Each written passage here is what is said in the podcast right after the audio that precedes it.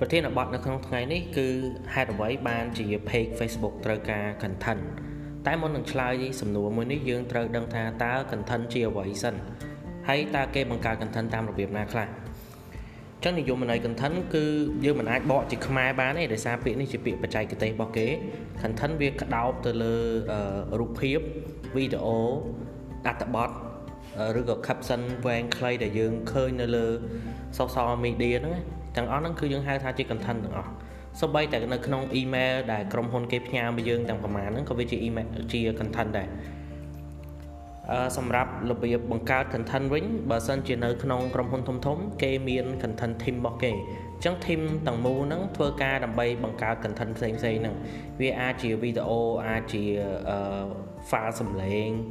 ឬក៏ជា infographic ឬក៏ជាសភៅ e-book អីហ្នឹងគឺគេបង្កើតអស់ហ្នឹងដើម្បីតំណាងឲ្យ business របស់គេមួយមួយតែបើសិនជាក្រុមហ៊ុនហ្នឹងវាមិនធំណាស់ណាមិនសូវមានបុគ្គលិកទេ គឺគេបង្កើត content នៅខ្លួនឯងហើយ content ហ្នឹងវាមិនអាចច្រើនមុខបានទេជួនកាលក្រុមហ៊ុនខ្លះគេបង្កើតតែ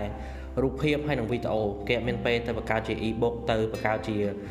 original research អីទៀតទេព្រោះវាខ្វះសមាជិកដើម្បីធ្វើ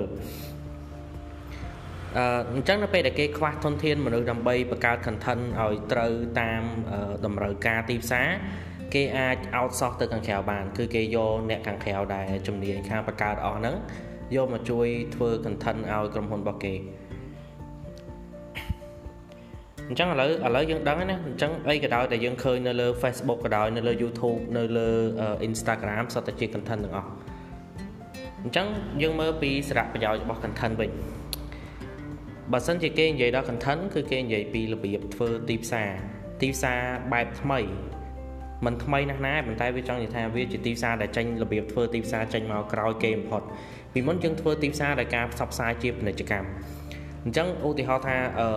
អ្នកមើលគេកំពុងតែមើលវីដេអូហើយស្រាប់តែវា load pop up ពាណិជ្ជកម្មមួយមកអញ្ចឹងយើងទៅបង្អាក់អាគេកំពុងតែមើលហ្នឹងយើងទៅមិនខានគេ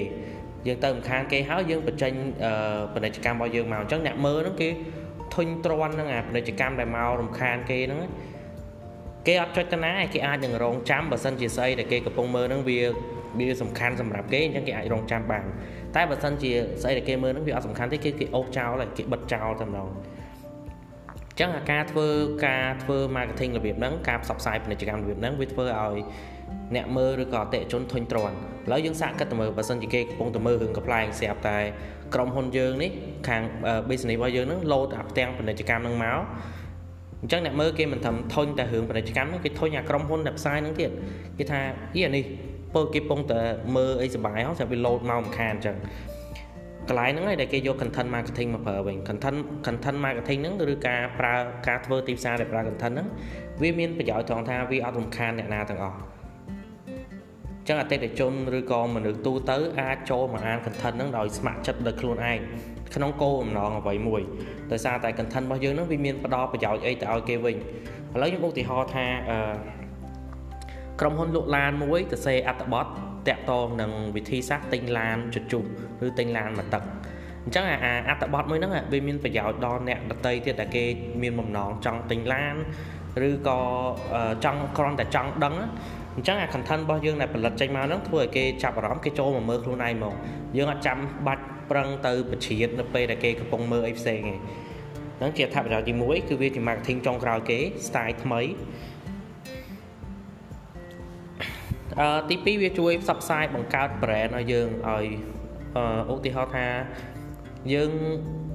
យើងលក់ឡានដដែលចុះយើងជាកន្លែងលក់ឡានដដែលប៉ុន្តែយើងទៅតែបើកថ្មីចឹងអ្នកផ្សេងទៀតគេអត់ស្គាល់យើងទេហើយចឹងបើសិនជាយើងគ្រាន់តែបង្កើតជា Facebook page ធម្មតាហើយផុសរូបឡានផុសរូបអីធម្មតាគេក៏អត់ចាប់អារម្មណ៍ដែរដោយសារតែនៅលើ Facebook វាមានហាងលក់ឡានផ្សេងទៀតដែរមិនមែនមានតែយើងទេយើងចូលមកក្រោយគេហើយ យើងចូលនៅពេលដែលគេមានចំនួនច្រើនទៀត page ដូចគ្នាហ្នឹងអញ្ចឹងយើងត្រូវធ្វើ content ដែលខុសប្លែកពីគេ យើងអាចថតជាវីដេអូនិយាយពីអឺការផ្លាស់ប្ដូរគ្រឿងបន្លាយនៅក្នុងឡានឬក៏ពីរបៀបទិញរបៀបចរចារបៀបបើកបរអញ្ចឹងទៅអញ្ចឹងយើងផ្ដល់ប្រយោជន៍ទៅឲ្យគេគេនឹងចាប់អារម្មណ៍លើអា brand របស់យើងដែលទៅមកក្រោយនេះឈ្មោះឈ្មោះហាងឈ្មោះអីរបស់យើងណា ហើយមិនត្រឹមតែជួយផ្សព្វផ្សាយ brand នេះវាអាចបង្កើតទំនុកចិត្តទៀតគេអ្នកដែលគេមើលហើយគេគិតថាហាងនេះដឹងថាខ្លួនឯងកំពុងលក់ពីអីដឹងគេចង់និយាយថាយើងដឹងអីដែលយើងធ្វើយើងមិនមែនចេះតែប៉ាតណាប៉ាតណីនិយាយឲ្យតែបានបានអញ្ចឹងនៅពេលដែលគេទុកចិត្តយើងគេអាចនឹងមកទិញនៅហាងយើងទោះបីជាហាងយើងទៅនឹងបើកក៏ដោយដោយសារតែគេបានអាន content របស់យើងឬក៏បានមើល content របស់យើងពីមុនមកហើយគេជឿឲ្យថា ស្អីដែលយើងនិយាយហ្នឹងគឺវាអាចប្រើបានអញ្ចឹងគេនឹងមករកយើងខ្លួនឯងអឺមួយទៀតដែរទី3គឺវាដើរតួធ្វើឲ្យយើងខ្លួនយើងនឹងខ្លាយទៅជាអ្នកជំនាញនៅក្នុងអ្វីដែលយើងធ្វើឧទាហរណ៍ថាយើងជារោងពុំអញ្ចឹងយើងអាចតាំងខ្លួនឯងជាអ្នកជំនាញយើងអាចនិយាយពីប្រភេទกระดาษប្រភេទទឹកថ្នាំរបៀបបោះពុំឬក៏ការលក់តម្លៃការដឹកជញ្ជូនអីក៏បានដែរ ការធ្វើការធ្វើបែបហ្នឹងពេលដែលយើងចែកកលឹះផ្សេងផ្សេងអញ្ចឹងអ្នកដតីគេមើលមកថាជុំហាងនេះប្លែកពីគេហ្មងដោយសារស្អីក៏វាអត់លាក់ដែរវាបញ្ចេញមកទាំងអស់អាហ្នឹងជាជាអ្នកជំនាញជាតច្រិតរបស់អ្នកជំនាញគឺគេបញ្ចេញស្អីដែលគេមានចេញមកដើម្បីឲ្យអ្នកដតីដឹងថាគេចេះអាកន្លែងហ្នឹងហើយចុងក្រោយគេគឺវាជួយធ្វើឲ្យការលក់មានភាពងាយស្រួលឥឡូវយកឧទាហរណ៍ថាក្រុមហ៊ុនយើងអត់ដែលធ្វើ content អីទាំងអស់ស្អីក៏អត់ដែលផ្ដល់ព័ត៌មានទៅអតិថិជនដែរ ដឹងតែប្រឹងតែបុកលក់លក់នេះលក់នោះលក់នេះលក់នោះរហូតអញ្ចឹងនៅពេលដែលគេចូលមកទិញអឺគេចូលមកទិញគេត្រូវសាកសួរតាំងពីដើមដល់ចប់ព្រោះគេអត់ដឹងអីទាំងអស់ពីយើង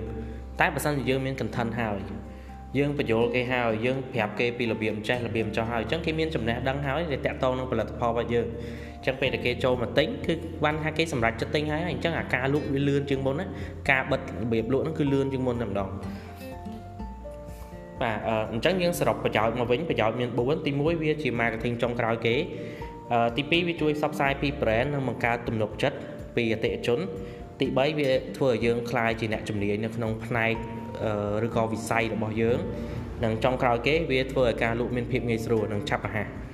បាទអឺអញ្ចឹងយើងយល់ទេណាថា content ហ្នឹងបានបានប្រយោជន៍អីខ្លះនៅលើ page យើងមិនមែនផុសដោយចេះតែផុសទេឧទាហរណ៍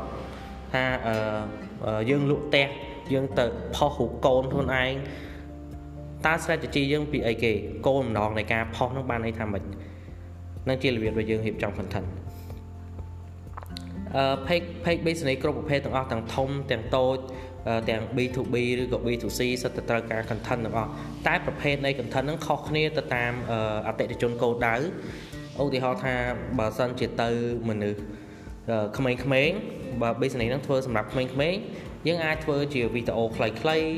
ឬក៏វីដេអូសំណើចអីចឹងទៅដើម្បីតាក់ទាញក្មេងៗហ្នឹងឲ្យវាចូលមកចាប់អារម្មណ៍នឹង business យើងតែបើសិនធ្វើសម្រាប់មនុស្សចាស់យើងអាចធ្វើជាអត្ថបទវិភាគស៊ីជម្រៅឬក៏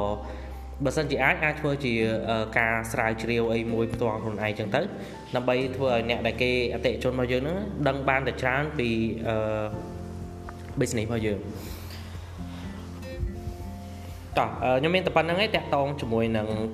content នេះជាវីដេអូទី1ហើយក៏ជាអេពីសូតដំបូងគេរបស់សាមញ្ញ podcast ដែរបាទអរគុណសម្រាប់ការស្ដាប់